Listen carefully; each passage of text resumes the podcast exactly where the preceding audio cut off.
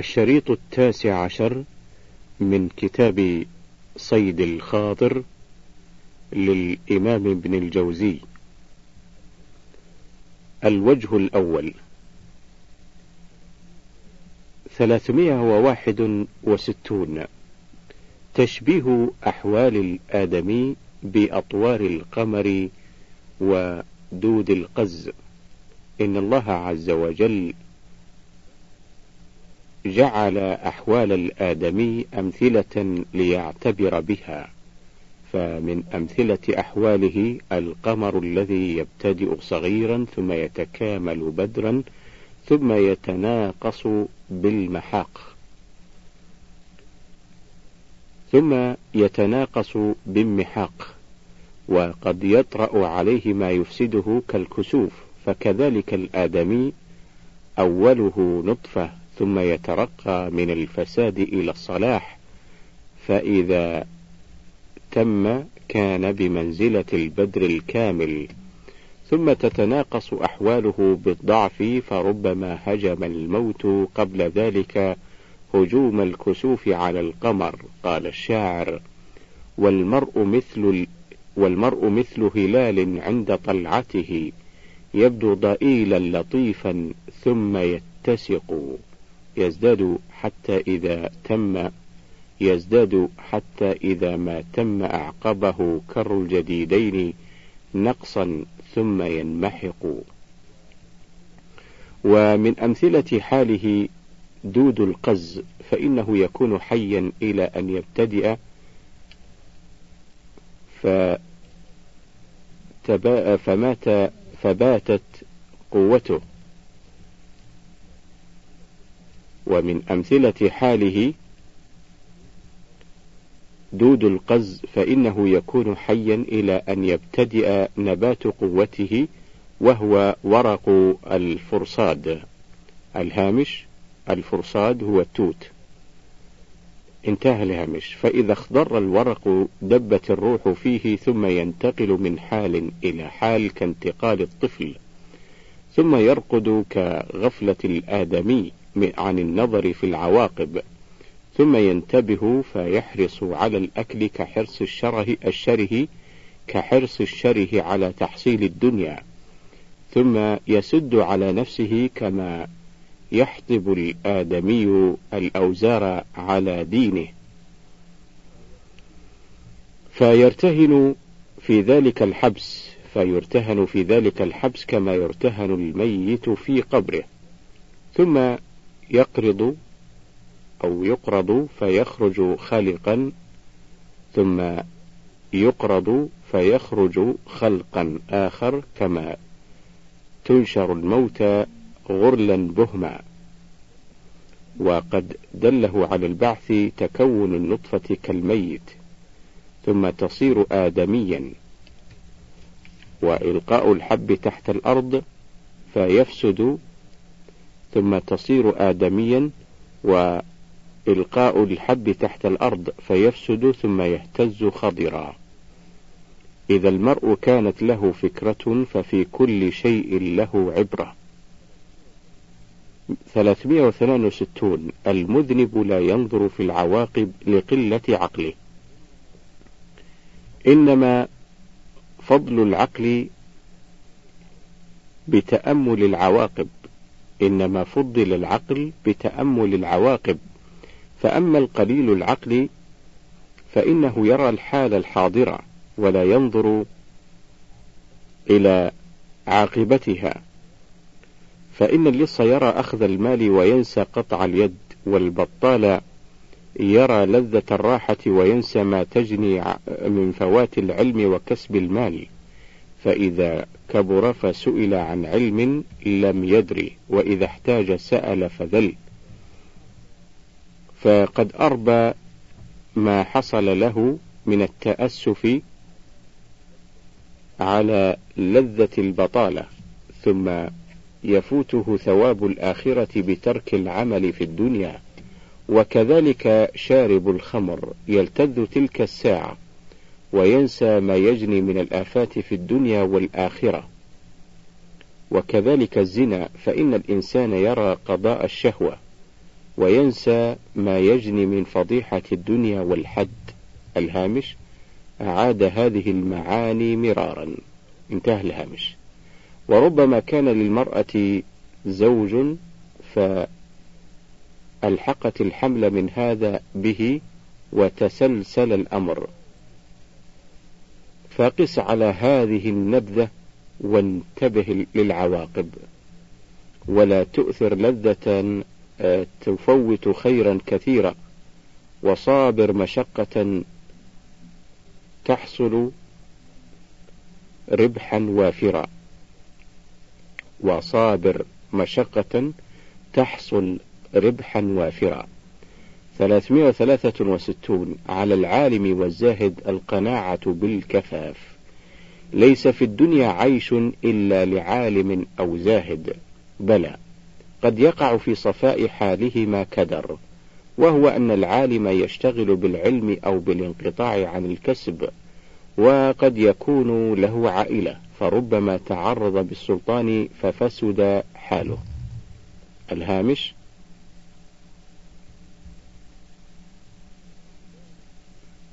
من دار له يؤجرها. فربما تعرض بالسلطان ففسد حاله. الهامش تعرض له. تعرض بالسلطان أي تعرض له. انتهى الهامش. وكذلك الزاهد فينبغي للعالم أو العابد فينبغي للعالم والعابد أن يحوك في معاش كنسخ بأجرة أو عمل الخوص أو إن فتح له بشيء واقتنع باليسير فلا يستعبده أحد كما كان أحمد بن حنبل له أجرة لعلها تبلغ دينارا يتقوت بها. الهامش له أجرة من دار له يؤجرها. انتهى الهامش. ومتى لم يقنع أفسدت مخالطة السلاطين والعوام دينه. وفي الناس من يريد التوسع في المطاعم ومنهم من لا يوافقه خشن العيش. وهيهات أن يصح الدين مع تحصيل اللذات. وإذا قنع العالم والزاهد بما يكفي لم يتبذل للسلطان ولم يستخدم بالتردد إلى بابه.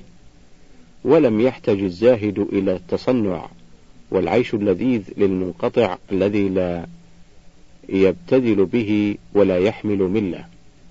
ولم يحتج الزاهد إلى تصنع والعيش اللذيذ للمنقطع الذي لا يتبذل به ولا يحمل منه. 364 التفاوت في الفهم والتفكير. ما أكثر تفاوت الناس في الفهوم. حتى العلماء يتفاوتون التفاوت الكثير في الأصول والفروع فترى أقواما يسمعون أخبار الصفات فيحملونها على ما يقتضيه الحس كقول قائلهم ينزل بذاته إلى السماء وينتقل. وهذا فهم رديء لأن المنتقل يكون من مكان إلى مكان ويوجب, ويوجب ذلك كون المكان أكبر منه ويلزم منه الحركة وكل ذلك محال على الحق عز وجل. وأما في الفروع فكما يروى عن داود أنه قال في قوله لا يبولن أحدكم في الماء الدائم ثم يتوضأ منه. فقال إن بال غيره جاز. فقال إن بال غيره جاز. الهامش داود إمام الظاهرية والظاهرية ومنهم ابن حزم ومنهم من يتسمى في زماننا بأهل الحديث.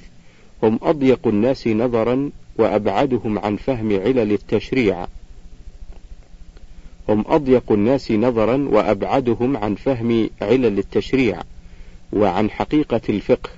حتى بلغ الأمر بابن حزم أن ألف كتابا في أبطال القياس بزعمه. أو في إبطال القياس بزعمه. ولو بطل القياس لبطلت تسعة أعشار أحكام الشرع. ولو بطل القياس لبطلت تسعة عشر أحكام الشرع. لأن المعاملات كلها مبنية أحكامها على القياس. وبذلك كان الإسلام دينا مرنا يصلح لكل زمان ومكان. وهذه من مزايا الإسلام. انتهى الهامش.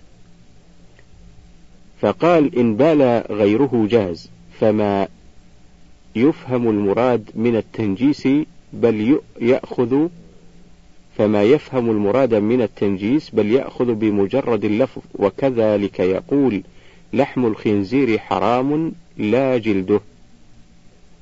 نعوذ بالله من سوء الفهم وكذلك يتفاوت الشعراء الذين شغلهم التفطن لدقائق الأحوال كقول قائلهم لنا الجفنات الغر يلمعن بالضحى وأسيافنا يقطرن من نجدة دما. والجفنات عدد يسير فلو قال الجفان لكان أبلغ ولو قال بالدجى لكان أحسن ويقطرن دليل على القلة. وكذلك قول القائل همها العطر والفراش ويعلوها لجين ولؤلؤ منظوم. وهذا قاصر فإنه لو فعلت هذا سوداء لحسنها. إنما المادح هو القائل ألم تر أني كلما جئت طارقا وجدت بها طيبا وإن لم تطيبي؟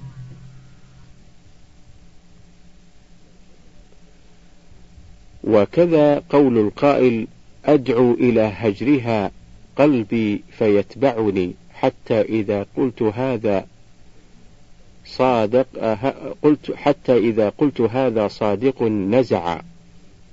أدعو إلى هجرها قلبي فيتبعني حتى إذا قلت هذا صادق نزع. ولو كان صادقا في المحبة لما كان له قلب يخاطبه وإذا خاطبه في الهجر لم يوافقه إنما المحب الصادق هو القائل. يقولون لو عاتبت قلبك لرعوى فقلت وهل للعاشقين قلوب؟ ومثل هذا إذا نوقش كثير فأقل موجود في الناس الفهم والغوص على دقائق المعاني. 365 لذات الدنيا غير صافية. من تأمل الدنيا علم أنه ليس فيها لذة أصلا فإن وجدت لذة شيبت بالنغص التي تزيد على اللذة أضعافا. فمن اللذات النساء فربما لم تث لم تثبت المستحسنة وربما لم تحب الزوج. فمتى علم ذلك تعزل عنها وربما خانت. وذلك الهلاك فإن تمت المرادات فذكر الفراق زائد في التألم على الالتذاذ. ومن اللذات الولد ومقاساة البنت إلى أن تتزوج. ومن اللذات الولد ومقاساة البنت إلى أن تتزوج. وما تلقى من زوجها وخوف وخوف عارها محن قبيحة وما تلقى من زوجها وخوف عارها محن قبيحة. والابن إن مرض ذاب الفؤاد وإن خرج عن حد الصلاح زاد الأسف. وإن كان عدوا فمراده هلاك الأب. ثم إن تم المراد فذكر فراقه يذيب القلوب. ولو أن فاسقا أحب بعض المرد انتهك عرضه في الدنيا وذهب دينه ثم لا يلبث أن تتغير حليته فيصير مبغوضا مع ما سبق من الهتكة والإثم. وكم قد غلبت شهوة وكم قد غلبت شهوة رجل وطئ الجوارئ الجواري الجواري السود فجاء الولد أسود فبقي عارا عليه. ومن هذا الجنس الالتذاذ بالمال وفي تحصيله آثام وفي فراقه حسرة. وذهاب العمر فيه غبينة. وهذا أنموذج لما لم يذكر. فينبغي لمن وفقه الله سبحانه أن يأخذ الضروري الذي يميل إلى سلامة الدين والبدن والعافية وأن يهجر الهوى الذي نغصه الذي نغصه تتضاعف على لذته ومن صبر على ما يكره قصد النفع في العاقبة التذ أضعافا كطالب العلم فإنه يتعب يسيرا وينال خير الدارين مع سلامة العاقبة. ولذة البطالة تعقب عدم العلم والعمل فيزيد الأسى أضعافا. فالله الله أن يغلبك هواك العاجل. وما تهم الهوى بالتوثب فامنعه وزن عاجله بآجله. وما يتذكر إلا أولو الألباب. 366 الرد على المتكلمين والمعتزلة والمبتدعة. رأيت إبليس قد احتال بفنون الحيل على الخلق وأمال أكثرهم عن العلم الذي هو مصباح السالك فتركهم يتخبطون في ظلمات الجهل وشغلهم بأمور الحس فهم يحسنون ما يحسنه الحس ولا يلتفتون إلى مشورة العقل فإذا ضاق بأحدهم عيشه أو نكب اعترض فكفر. فمنهم من ينسب ذلك إلى الدهر ومنهم من يسب الدنيا وهذا تسقيف. الهامش كذا وما عرفت لها معنى أي كلمة تسقيف ولعلها من عامية زمانه أو لعلها مما حرف النساخ. انتهى الهامش.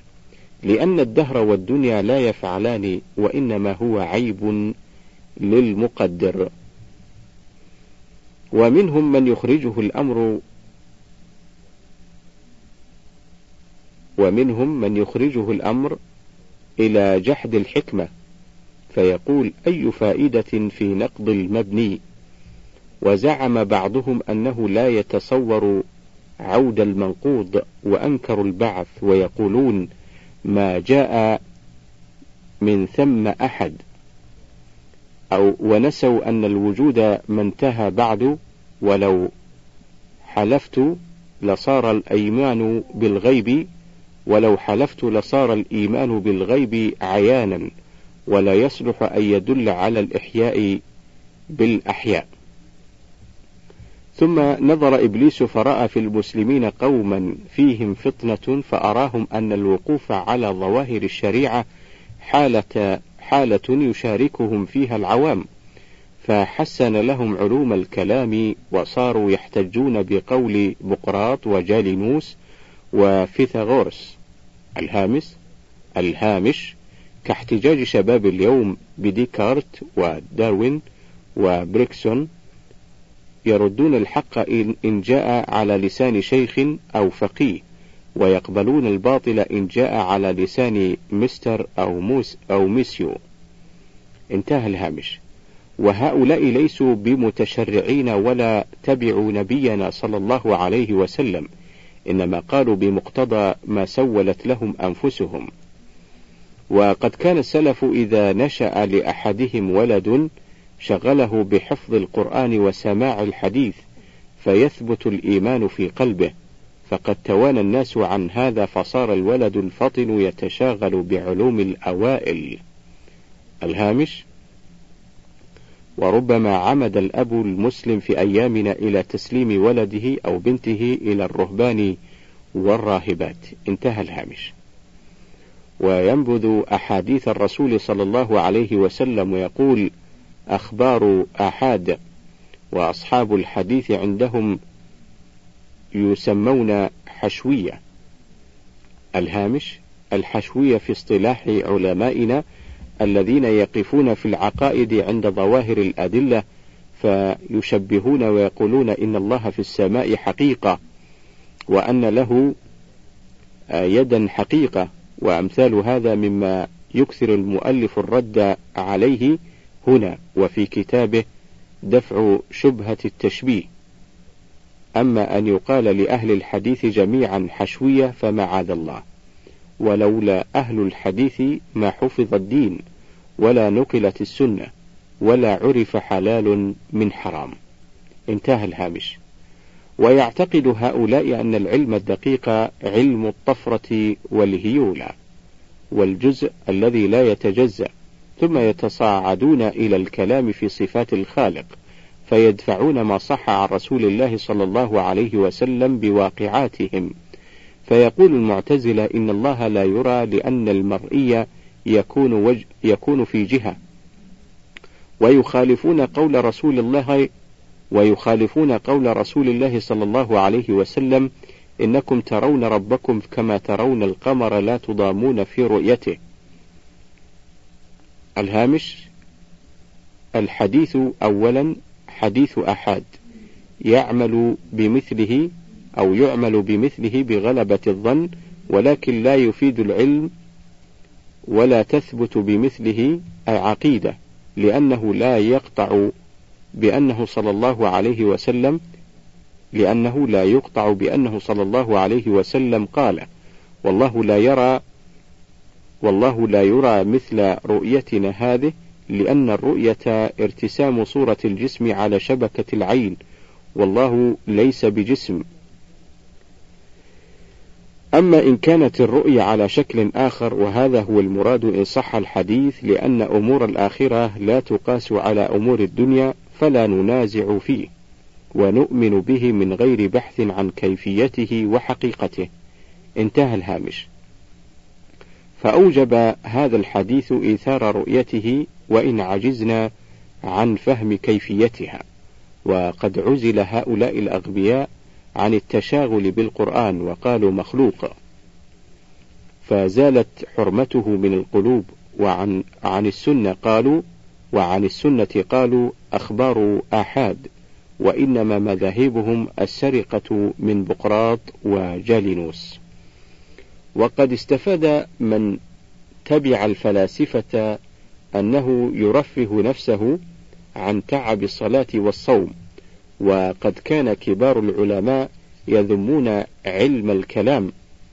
حتى قال الشافعي حكمي فيهم أن يركبوا على البغال ويشهروا. حكمي فيهم أن يركبوا أو يركبوا على البغال ويشهروا أو ويشهر ويقال هذا جزاء من ترك الكتاب والسنة واشتغل بالكلام وقد آل بهم الأمر إلى أن اعتقدوا أن أن من لم يعرف تحرير دليل التوحيد فليس بمسلم. الهامش المؤلف نفسه قال هذا في الفصل رقم 221 ورددت عليه في الحاشية. انتهى الهامش. فالله الله من مخالطة المبتدعة وعليكم بالكتاب والسنة ترشدوا 367 الزمان أشرف الزمان أشرف من أن يضيع فيما لا ينفع رأيت العادات قد غلبت الناس في تضييع الزمان وكان القدماء وكان القدماء يحذرون من ذلك أو ويحذرون من ذلك.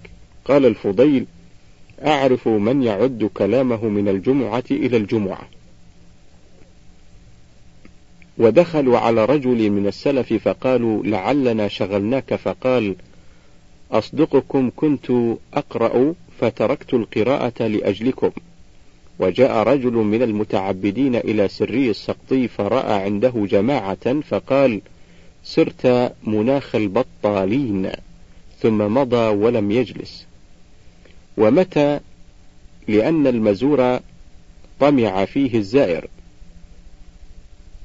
فأطال الجلوس فلم يسلم من أذى.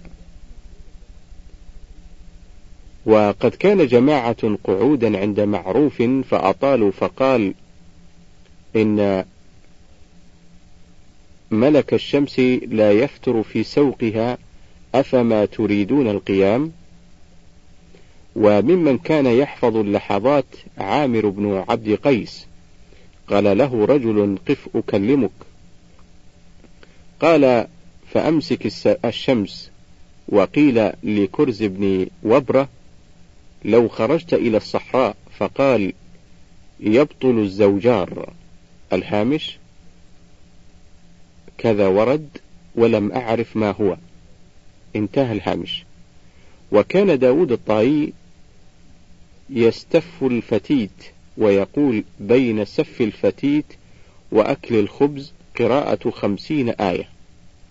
وكان عثمان الباقلاوي دائم الذكر لله تعالى فقال إني وقت الإفطار أحس بروحي كأنها تخرج لأجل اشتغالي بالأكل عن الذكر. الهامش إذا نوى بالأكل التقوي على الطاعة ولحظ حمد الله عليه كان أكله ذكرا. انتهى الهامش. وأوصى بعض السلف أصحابه فقال إذا خرجتم من عندي فتفرقوا لعل أحدكم يقرأ القرآن في طريقه ومتى اجتمعتم تحدثتم واعلم أن الزمان أشرف من أن يضيع منه لحظة. فإن في الصحيح عن رسول الله صلى الله عليه وسلم أنه قال من قال سبحان الله العظيم وبحمده غرست له بها نخلة في الجنة. فكم يضيع الآدمي من ساعات يفوته فيها الثواب الجزيل. وهذه الأيام مثل المزرعة فكأنه قيل للإنسان كلما بذرت حبة أخرجنا لك ألف كر أو كر. فهل يجوز للعاقل أن يتوقف في البذر ويتوانى؟ والذي يعين على اغتنام الزمان والذي يعين على اغتنام الزمان الانفراد والعزلة مهما أمكن والاقتصار على السلام أو حاجة مهمة لمن يلقى. وقلة الأكل. فإن كثرته سبب النوم الطويل وضياع الليل. فإن كثرته سبب النوم الطويل وضياع الليل. ومن نظر في سير السلف وآمن بالجزاء بان له ما ذكرته. 368 كيف يجب أن تعاشر النساء؟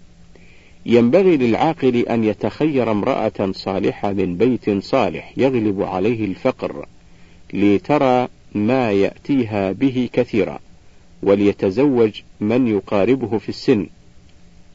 فأما الشيخ فإنه إذا تزوج صبية آذاها وربما فجرت أو قتلته. أو طلبت الطلاق وهو يحبها فيتأذى. وليتم نقصه بحسن الأخلاق وكثرة النفقة. ولا ينبغي للمرأة أن تقرب من زوجها كثيرا فتمل. ولا تبعد. ولا تبعد عنه فينساها. ولتكن وقت قربها إليه كاملة النظافة مستحسنة. ولتحذر أن يرى فرجها أو جسمها كله فإن جسم الإنسان ليس بمستحسن. الهامش من قال هذا؟ انتهى الهامش. وكذلك ينبغي له ألا يريها جسمه وإنما الجماع في الفراش. ورأى كسرى يوما كيف يسلخ الحيوان ويطبخ فتقلبت نفسه ونفى اللحم. فذكر ذلك لوزيره فقال أيها الملك الطبيخ على المائدة والمرأة في الفراش ومعناه لا تفتش عن ذلك. قالت عائشة رضي الله عنها ما رأيته من رسول الله صلى الله عليه وسلم ولا رآه مني وقام ليلة عريانا فما رأيت جسمه قبلها وهذا الحزم. وكذلك يعجب الرجل بالمرأة وكذلك يعجب الرجل بالمرأة لأنه لم يرى عيوبها وليكن للمرأة فراش وله فراش فلا يجتمعان إلا في حال الكمال. ومن الناس من يستهين بهذه الأشياء فيرى المرأة متبذلة تقول هذا أبو أولادي ويبتذله فيرى كل واحد فيرى كل واحد من الآخر ما لا يشتهي فينفر القلب وتبقى المعاشرة بغير المحبة. وهذا فصل ينبغي تأمله والعمل به فإنه أصل عظيم. انتهى الوجه الأول وننتقل إلى الوجه الثاني.